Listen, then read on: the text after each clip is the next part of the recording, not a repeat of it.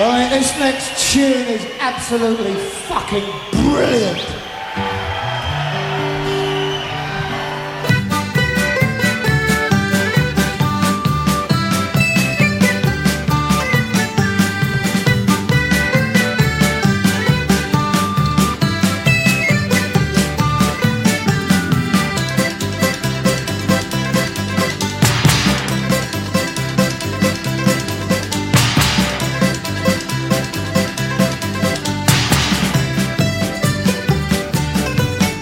Irlandako folk tradizionala oinarritzat hartuta, Pokes taldea laurogeiko amarkadako punk talde erradikalenetako bat izan zen. Bai beraien letren eta jarrera politikoa kontutan hartuta, baina baita eraman zuten bizitzeko modu anarkiko eta kaotikoagatik ere.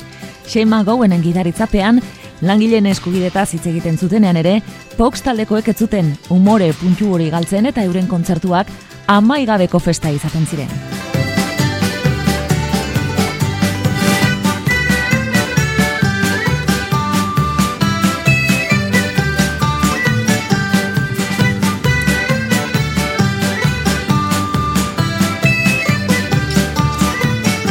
Shane McGowan egu berri egunez jaio zen, mila behatzireun eta berrogeita amazazpikoa benduaren hogeita bostean, Ingalaterrako Kent konterrian bere gurasoak Irlandatik ara joanako ziren familia bisitatzera. Izatez Tipperary aldekoak ama folk kantarina ezantzari oso ezaguna zen eta modelo ospetsua horrez gain. Aita berriz Dublingo tipo xelebre bat, literatura irakurle sutsua eta idazlea. Irlandan, baserri handi batean bizi ziren, baina Sheinek sei urte zituela, Londresera emigratu behar izan zuten lan bila. Irakurtzea eta idaztea oso gustuko zituen arren, eskola ezain beste eta Sheinek laizter utzi zituen ikasketak alde batera. Amairu urterekin Daily Mirror egunkariko lehiaketa literarioa irabazi zuen eta bekadun izan zen ospe handiko Art School batean, baina urte bete besterik ez zuen iraun drogekin harrapatu baitzuten. 1842 And I could pull a motor crew. And we suffered to do Working on the railway. I was wearing colored breeches Digging ditches Pilots such as dodging engines. I was working on the railway. 1843 I brought my shell across my knee Went to work for the company The Lacey Surrey Railway I was wearing colored breeches Digging ditches Pilots such as dodging engines. I was working on the Shane McGowenek betidanik izan du musikarekiko zaletasun berezia. Txikitan ikasi zituen amak erakutsitako Irlandako kantu herrikoiak eta amabi urterekin disko bilduma handi bat pilatzen hasi zen. Beatles, Nice Rolling Stones taldekoak, Pink Floyd, Black Sabbath eta Buffalo Springfield zituen gogokoen. Eta disko denda batean lanean hasi zenean, ura zerua izan zen Shane McGowen entzat. Jimi Hendrixen eriotzean bestalde, oean sartu da eman zuen egun osoa, paretean zintzilikaturik zuen haren posterari begira.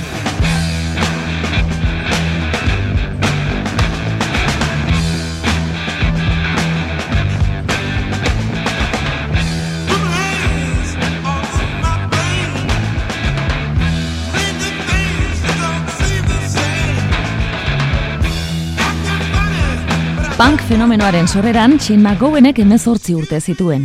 Mila behatzireun eta irurogeita amaseian Sex Pistolsen kontzertu batean erabat txundituta gelditu zen, eta handi gutxira The Clashen kontzertu baten ondoren nahi gabe famatu egin zen. Botila batekin buruan zauritu baitzuten eta munduari buelta emango zion argazkia atera baitzioten odoletan.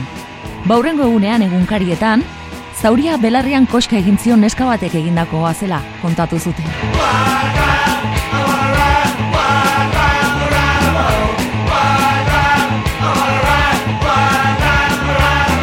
Shane McGowenek izena aldatu egin zuen eta Londresko punk mobidan personai berri badia jo zen, Shane O'Hooligan. Bere fanzina sortu zuen Bondage izenekoa eta bere ordungo neska lagunarekin, Shane Bradleyrekin batera punk talde bat sortu zuen, The Nips. Euren lehenengo singela, King of the Bob izeneko hau izan zen. Right, next one's called King of the Bob and it's a Teddy Boy number. Song I put my Teddy Boy wig on.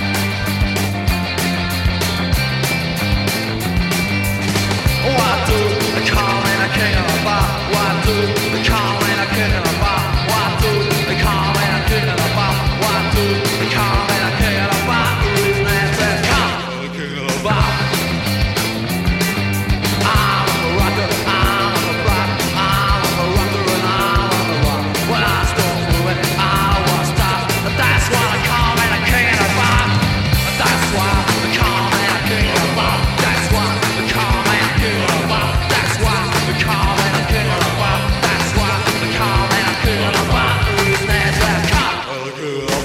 Mila behatzirun eta irurogeita amazazpian eman zuten lehenengo kontzertua Roxy aretoan eta aurrerago The Clash Nice The Jamen teloneroak izatera iritsiko ziren. Paul Weller The Jameko liderari asko gustatzen zitzaion denipsen musika eta jarraian entzungo dugun kantu hau ekoitzi zien gainera. Happy Song.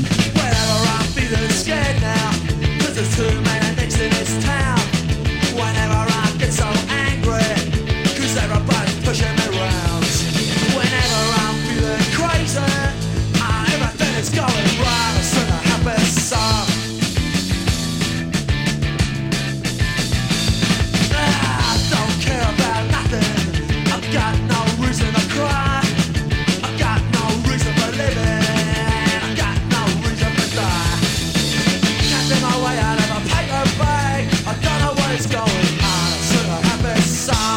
Baina The Nipsen klasikorik sonatuena Gabriel, Elvis Costellorenerako kantua zezin hau izango zen.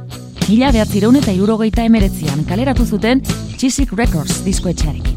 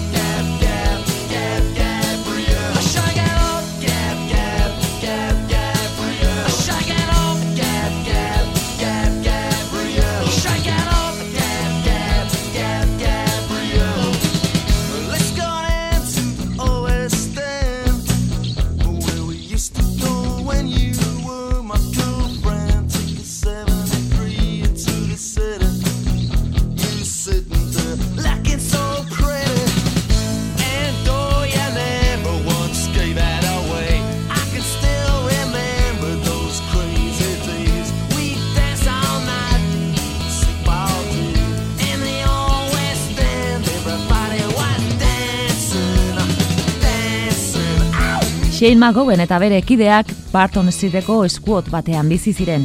Poliziakoak inguratzen zitzaizkien bakoitzean, Molotov koktelekin hartzen zituzten, eta gerora esango zutenez, eurentzat hauek izan ziren garairik ziraragarri eta sortzaileenak. The Pogues taldearen sorreran erabaki horra izan zen Jimmy Lydon, Johnny Lydonen anaiaren taldea 4B2. Musika irlandarra da berritmoekin hasten zuten eta eredu hau jarraitu sortu zuten euren proiektua. Mila behatzireun laurogeita bateko apirileko astelen gau batez, sojoko klub batean elkarturik, Shane McGowan eta bere taldekoek Irlandako musika errebeldea jendeari ezagutarazteko garaia iritsi zela pentsatu.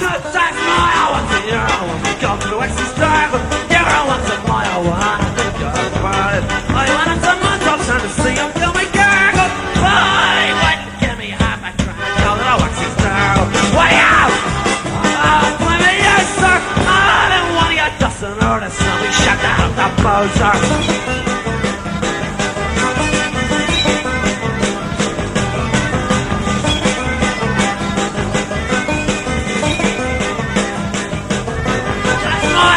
Euro when we cosmic away races Zero what's a mile when I'm a beat on my braces I went up to Cable Street for Jewish money liners But I wouldn't give me a couple of bucks for the almonds and a spend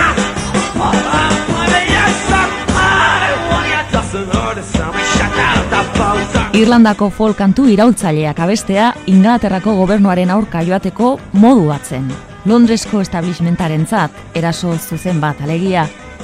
Lehenengo kontzertuan hogei bat lagun bildu ziren, hoietako zenbait espreski ipar Irlandatik etorritakoak. Eta denak harrituta gelditu ziren, ordura arte ez baitzuten horrelako indarra zuen musika sekula entzun. Berez Shane McGowan eta bere lagunek ez zuten jarraitzeko asmoa hundirik, baina jendearen harrera ikusita aurrera jarraitzea erabaki zuten.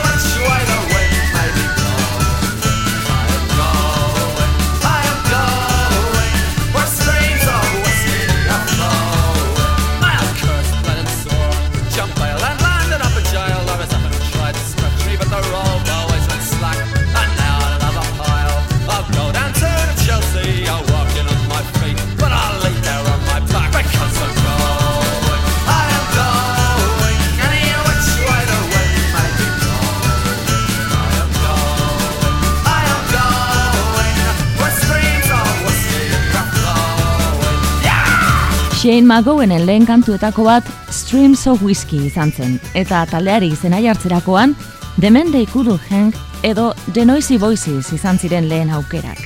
Baina azkenean, Pogue Mahon, gaelikoz, musu emaidazu ipurdian izan zen, aurrera atera zen deitura.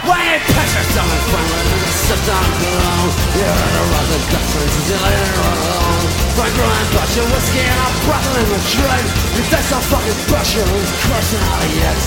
The second of the con, well, it's the prey We go so right and left that dark, I was in a shit, yeah!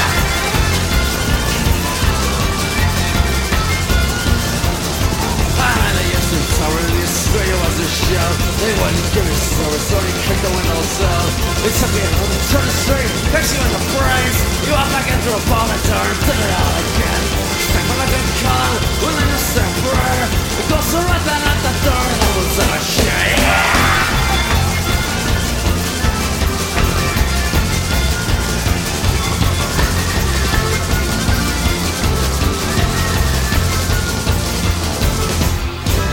Pog Mahon izenarekin, mila behatzireun eta laurogeita biko urriaren lauean estrenatu ziren jende aurrean. Eta handi gutxira, sei ziren talde osatzen zuten musikariak. Bere ala egin ziren famatu euren zuzeneko indartsuen gatik eta batez ere sortzen zuten parranda giroagatik, zez ezagunaztu, taldeko partaide gehienak mozkor mozkorrekin da bukatzen zutela taula gainean. Jarraian Londresko 100 Club aretoan entzungo ditugu euren hirugarren kontzertua zen eta ara hemen Chris Christophersonen mien Bobby McGee ospetsuaren versiorik desmadratu. Oh, it's a Chris Christopherson song. Where's Bow? Where's Bow?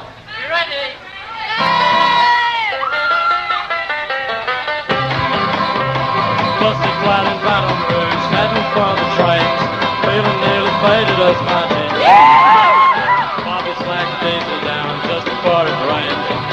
All the way to New Orleans.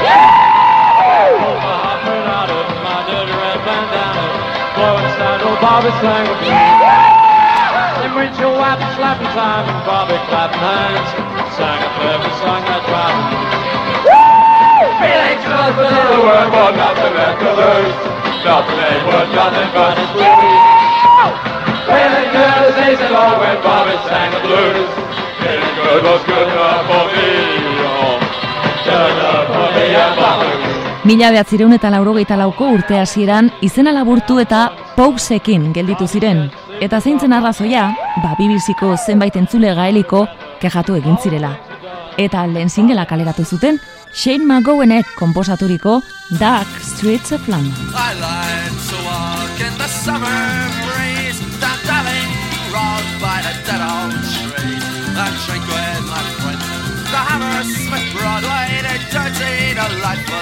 drunken old days.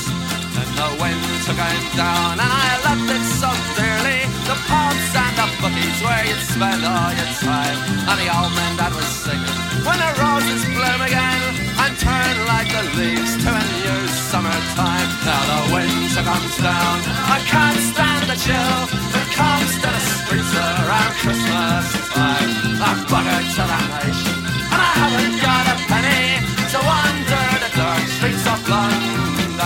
Mila behatzireun eta laurogeita lauko udan The Clash taldearen kontzertuetan aritu ondoren, Steve Records diskoetxeak fitxatu egin zituen eta udazkenean lehenengo diskoa plazaratu zuten, Red Roses for Me.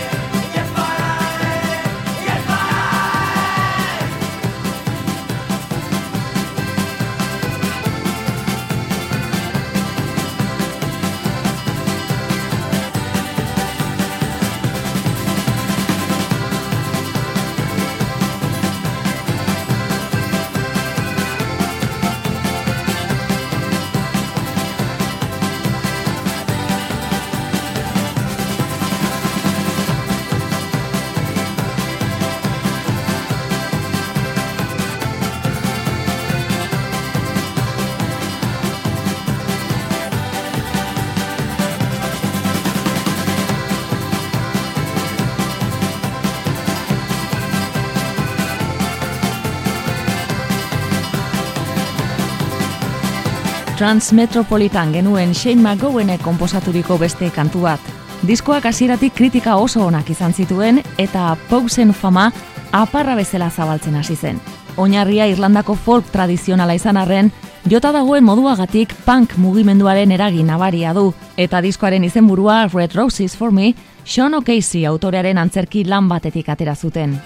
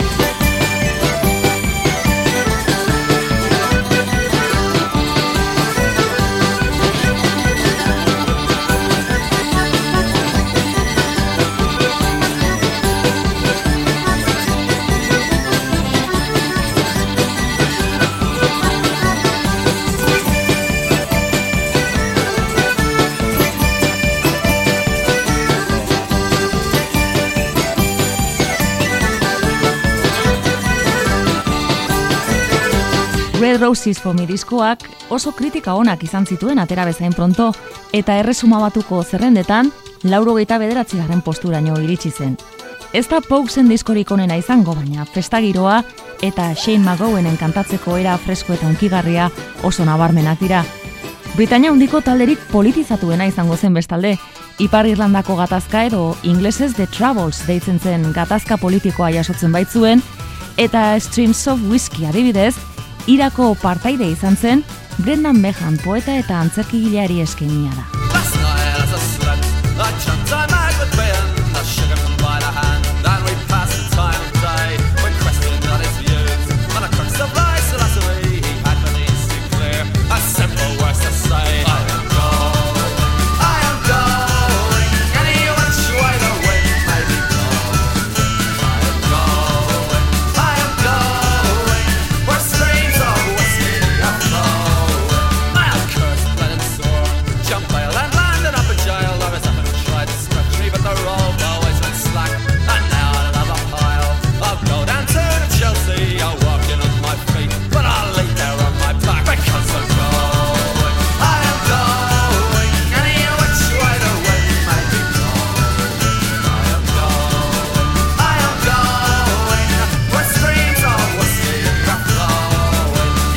Pogues taldekoak oso famatu egin ziren, euren musika asko entzuten zen Irlandako pabetan, eta taldekideen mozkokeria zela eta prensan oso maiz azaltzen ziren. Mila behatzireun eta laurogeita lauean, Irlandara egin zuten lehenengo biran, Dublin eta Belfasteko kontzertuetan sekulako arrakasta lortu zuten. Elvis Costelloren telonero gisa aritu ziren. I remember in September when the final stumps were drawn and the shouts of crowds now silent and the boys to tea were gone. Let us, O Lord above us, still remember simple things when all are dead who love us. Oh, the captains and the kings. Mila behatzireun eta laurogeita bostean, Philip Chevron gitarrista gehitu zitzaien urte hasieran. Oso sonatua zen talde bateko liderra zen, Radiators from Space taldeko buru, eta Irlandan jaiotako lehenengo Pogueseko kidea izango zen. Handi gutxira bigarrena elkartuko zitzaien Terry Woods, Irlandako folk musikari ospetsua. Kontua da Chevronen fitxaketarekin, Elvis Costelloren atentzioa lortu zutela eta Costello berak ekoiztuko ziela urrengo singela. Aurrez Chevronen The Captains and the Kings izeneko doinua ekoitzi zuen, baina Pogueseko ez zuten hainbeste espero. A Pair of Brown Eyes izeneko doinuan entzungo ditugu jarraia.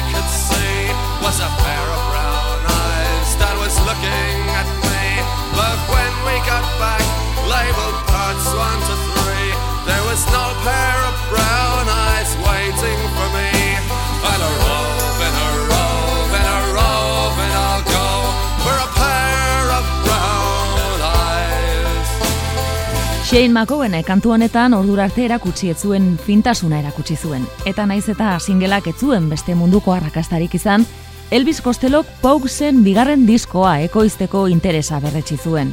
Aurrera goiakintzen, Costelloren interes berezionek Kate O'Riordan izena zuela.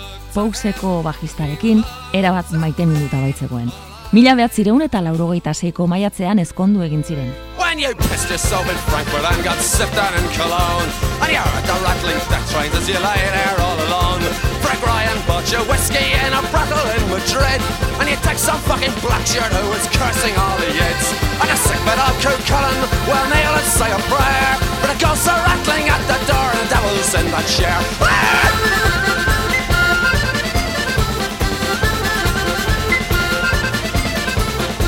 in the Euston Tavern. You screamed it was your shell. But I wouldn't give you service So you kicked the windows out. They took you out into the street Kicked you in the brains. So you went back in through a bolted door And did it all again. And a sick bit of Coot Cullen Will kneel and say a prayer. And the ghosts are rattling at the door And the devil's in that chair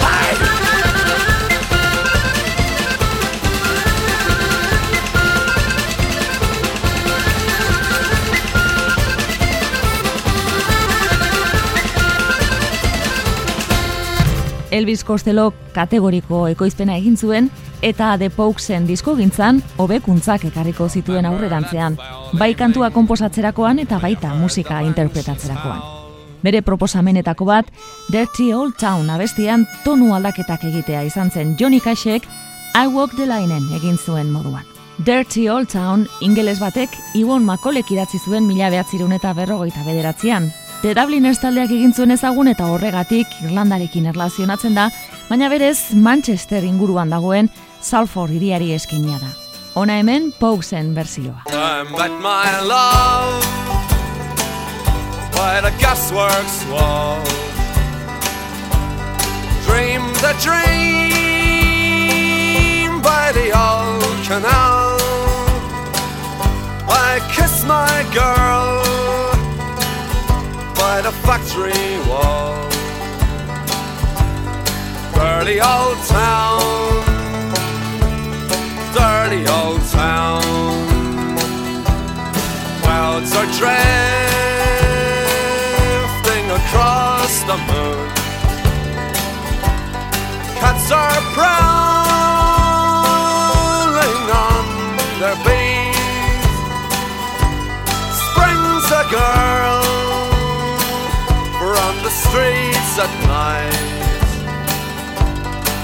Dirty old town,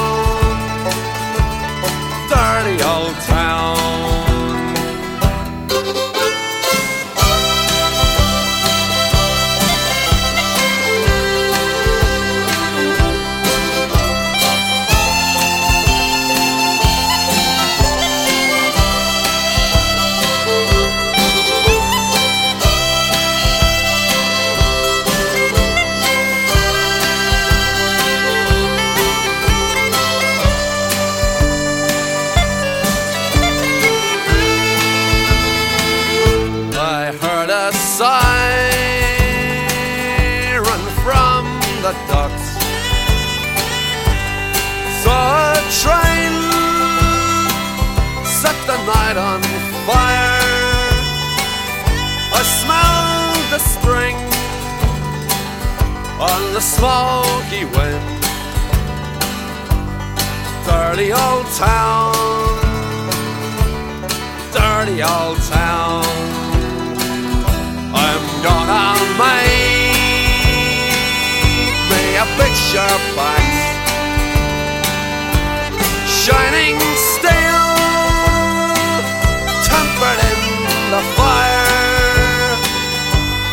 chop you down Like an old dead tree Dirty old town Dirty old town I met my love by the gasworks wall. Dreamed a dream by the old canal. I kissed my girl by the factory wall. Dirty old town, dirty old town, dirty old town, dirty old town.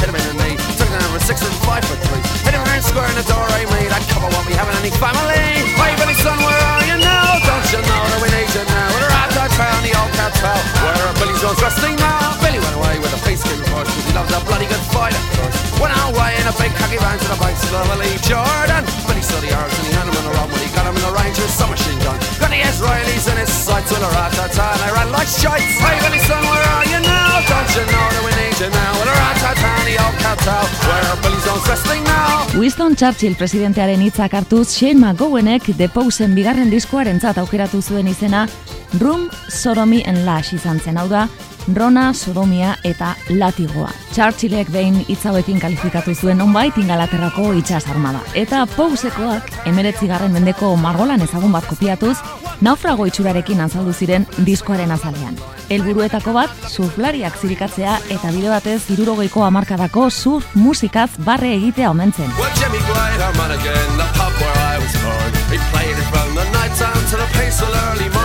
Was. He it from the to souls of psychos and the men who had the horn. And they all left very happy in the morning.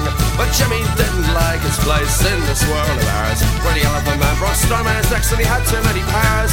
So I'm sad to see the grieving of the people that I'm leaving. And he took the road for God knows in the morning. We walked into the station in the rain. We kissed him as we put him on the train. And we sang him a song of times long gone. Though seeing him again. Sad to say, I must be on my way. So buy me beer and whiskey, cause I'm going far away. I'd like to think I'll be returning when I can to the greatest little boozer and to Sally McLennan. The years went by and times were changed, I grew to be a man. I learned to love the virtues of Sid Sally McLennan. I took the cheers and drank the beers and crawled back home at dawn. I ended up a barman in the morning. I pried the pump and took the whiskey down. And took the booze and horses to the men and drank the brown. I heard the sight of Jimmy's making money far away. And some people left for heaven without warning. We walked into the station in the rain. We kissed him as we put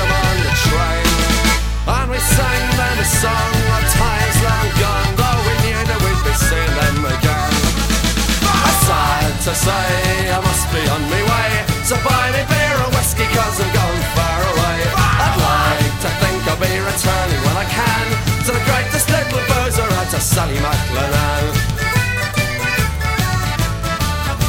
When Jimmy came back home, he was surprised that they were gone. He asked me all the details of the train that they went on. Some people they are scared to croak, but Jimmy drank until he choked. Took the road for heaven in the morning. Diskoaren aurkezpenerako prensa Tamesi ibaian zegoen Belfast izeneko gerra untzira gonbidatu zuten. Eta kontzertu berezi bat eman zuten bertan, emezortzigarren mendeko pirataz mozorrotuta. Edateko rona eskaini zuten oski eta Pouxeko musikariak behingoagatik ez omen ziren mozkortu, kazetariek ez baitzuten antza tantorik ere utzi. Untziaren balantzagatik eta batez ere irentzitako guztiaren ondorioz, kazetari bat baino gehiago gaizkitu egin omen zen eta haietako batek Tamesi ibaiean bukatu omen zuen.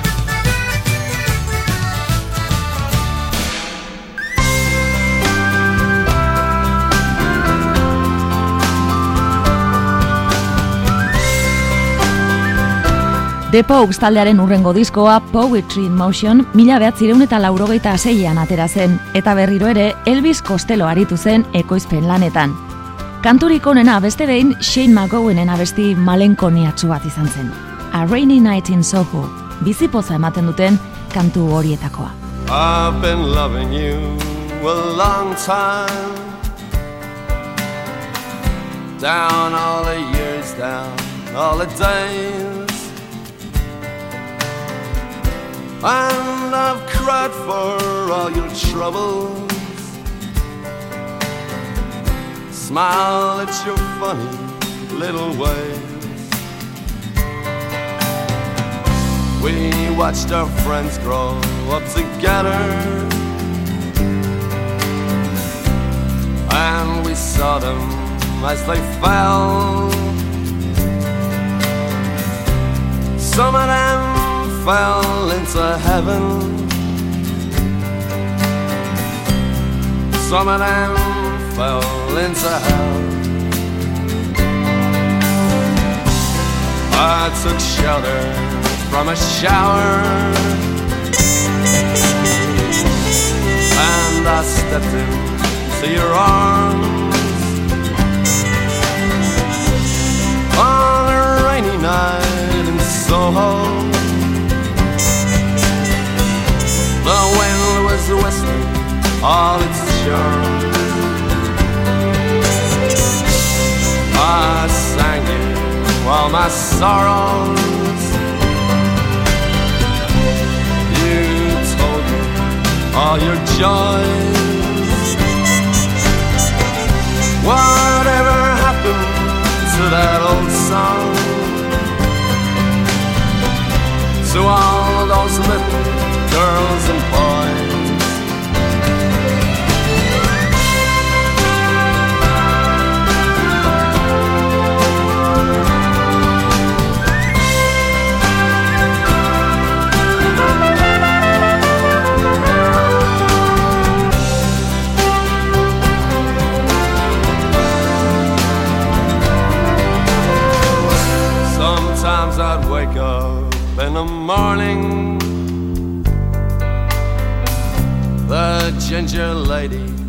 By my bed, covered in a cloak of silence.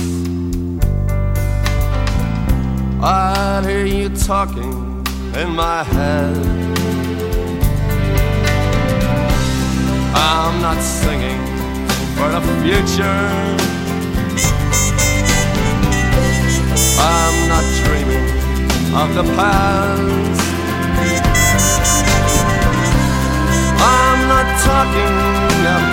First times. I never think about the last. Now the song is nearly over. We may never find out what it means. Still, there's a lot I hold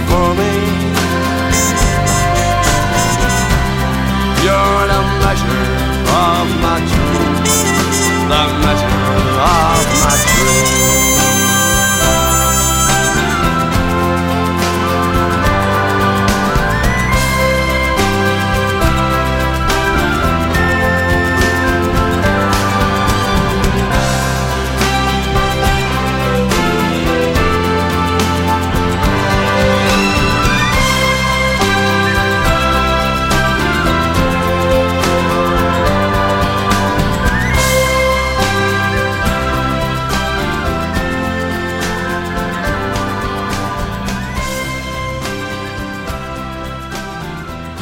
Steve diskoetxearekin arazo batzuk izan ondoren, The Pokesek Island Recordsekin sinatu zuen, eta atzera begiratu ezkero, argi ikusten da aldaketa oso ona izan zela eurentzat. Terry Boots eta Philip Chevron Irlandarrak oso musikari trebeak zirenez, Pokesen soinua asko hobetu zen, betiko estiloa alde batera utzi gabe.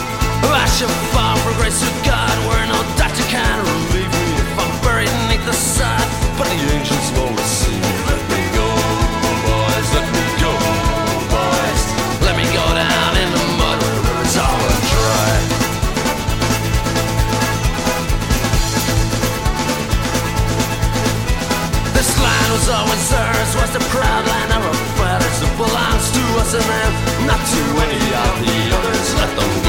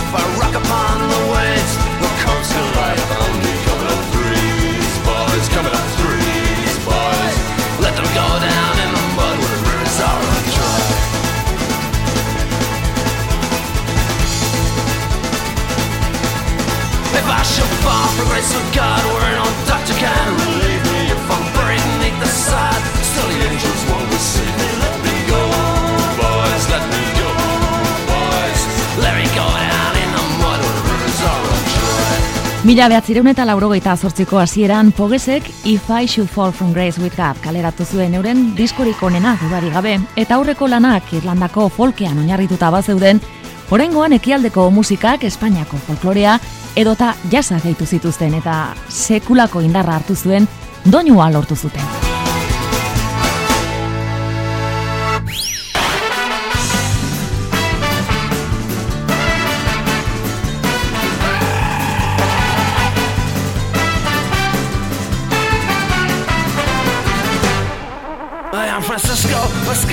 I see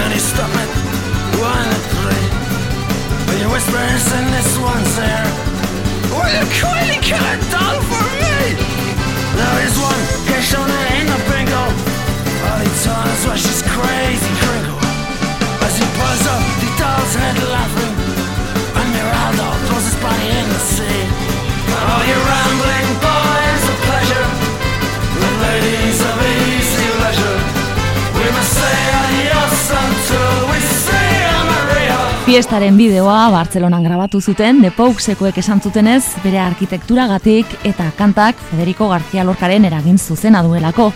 Baina jakin dezagun Shane McGowan zer esaten ari den benetan. El 25 de agosto abrió sus ojos Jane Fernley, pero él bebe 50 gin Campari y se tendió para cerrarlos, y Costello, el rey de la América, y suntuosa Kate O'Riordan no romperán mis cojones, los gritos fuera de las casas.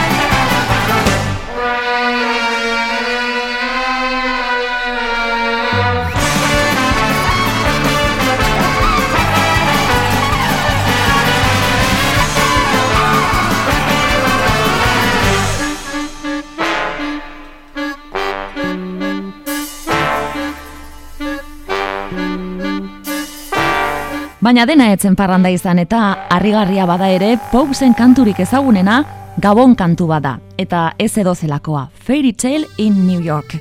Gabon gauean New Yorkeko Irlandar imigrante bikote baten gora bera kontatzen ditu eta nola mozkortuta poliziaren kalabozoan bukatzen duten.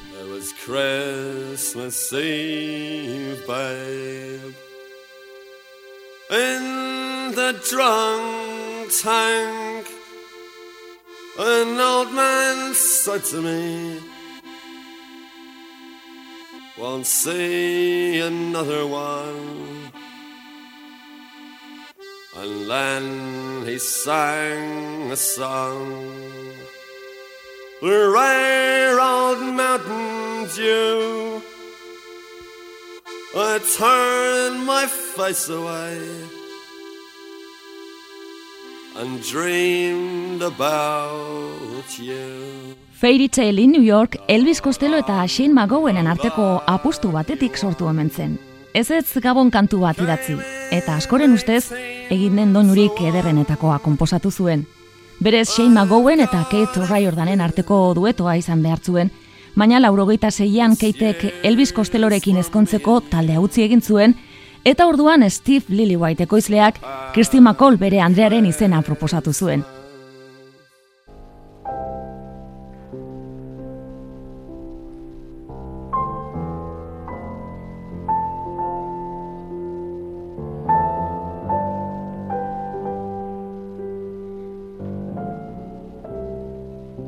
Kantaren hasierak Schuberten piano sonataren zati batetik ateratakoa dirudi, baina bere xarma bi kantarien arteko jokuan dago. Kirsti Makolen kantatzeko era tradizionala eta Shane McGowenen gogortasuna oso ondo kontra jartzen baitira. It was Christmas Eve, babe, in the drunk tank. An old man said to me, Won't see another one. And then he sang a song, the rare old mountain tune. I turned my face away and dreamed about you. Got on a lucky one, came in eighteen to one. I've got a feeling this year's for me. So happy Christmas. I love you, baby. I can see a better time when all our dreams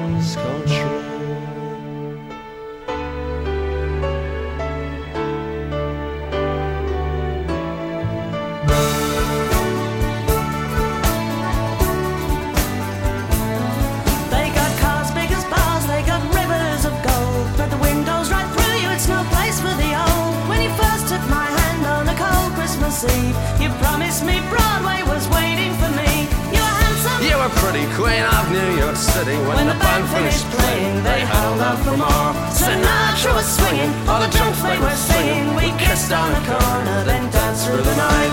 The boys of the NYPD choir were singing Go Away Babe And the bells were ringing out for Christmas Day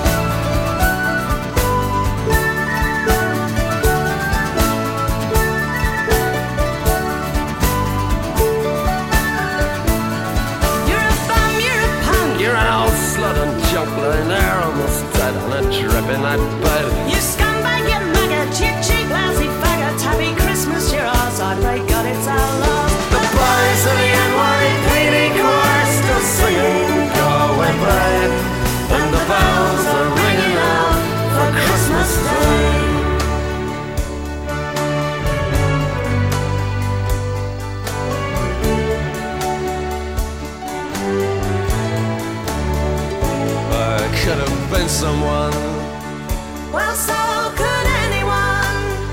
You took my dreams from me when I first found you. I kept them with me, babe. I put them with my own. Can't make it all alone. I built my dreams around you. The boys of the NYPD choir still singing Go And the bells are ringing out for Christmas Day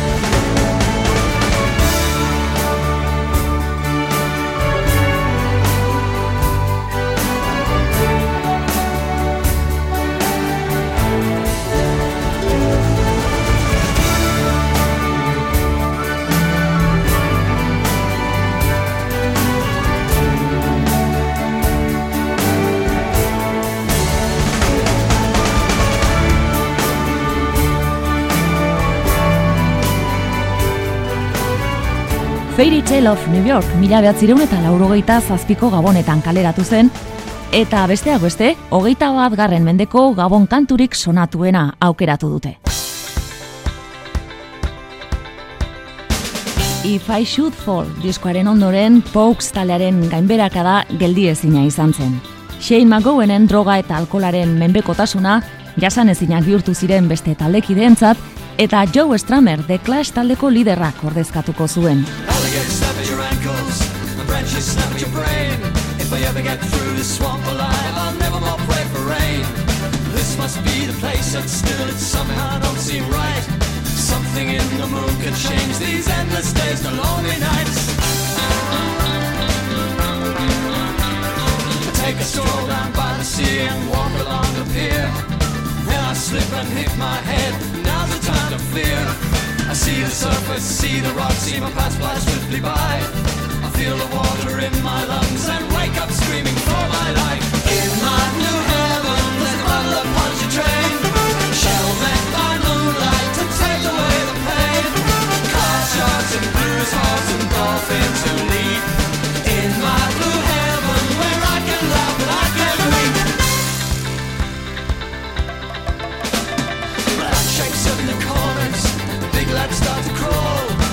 Holes of their own making in the cracks within the wall.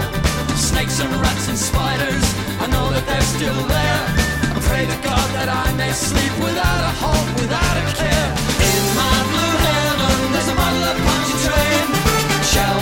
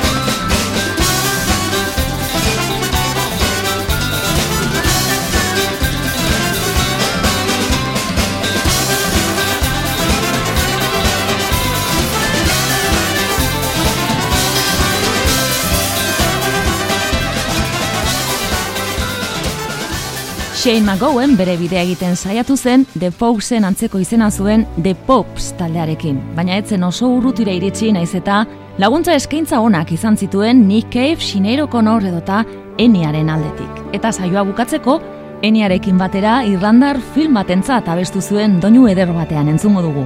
You are the one, Shane McGowan eta Enia abots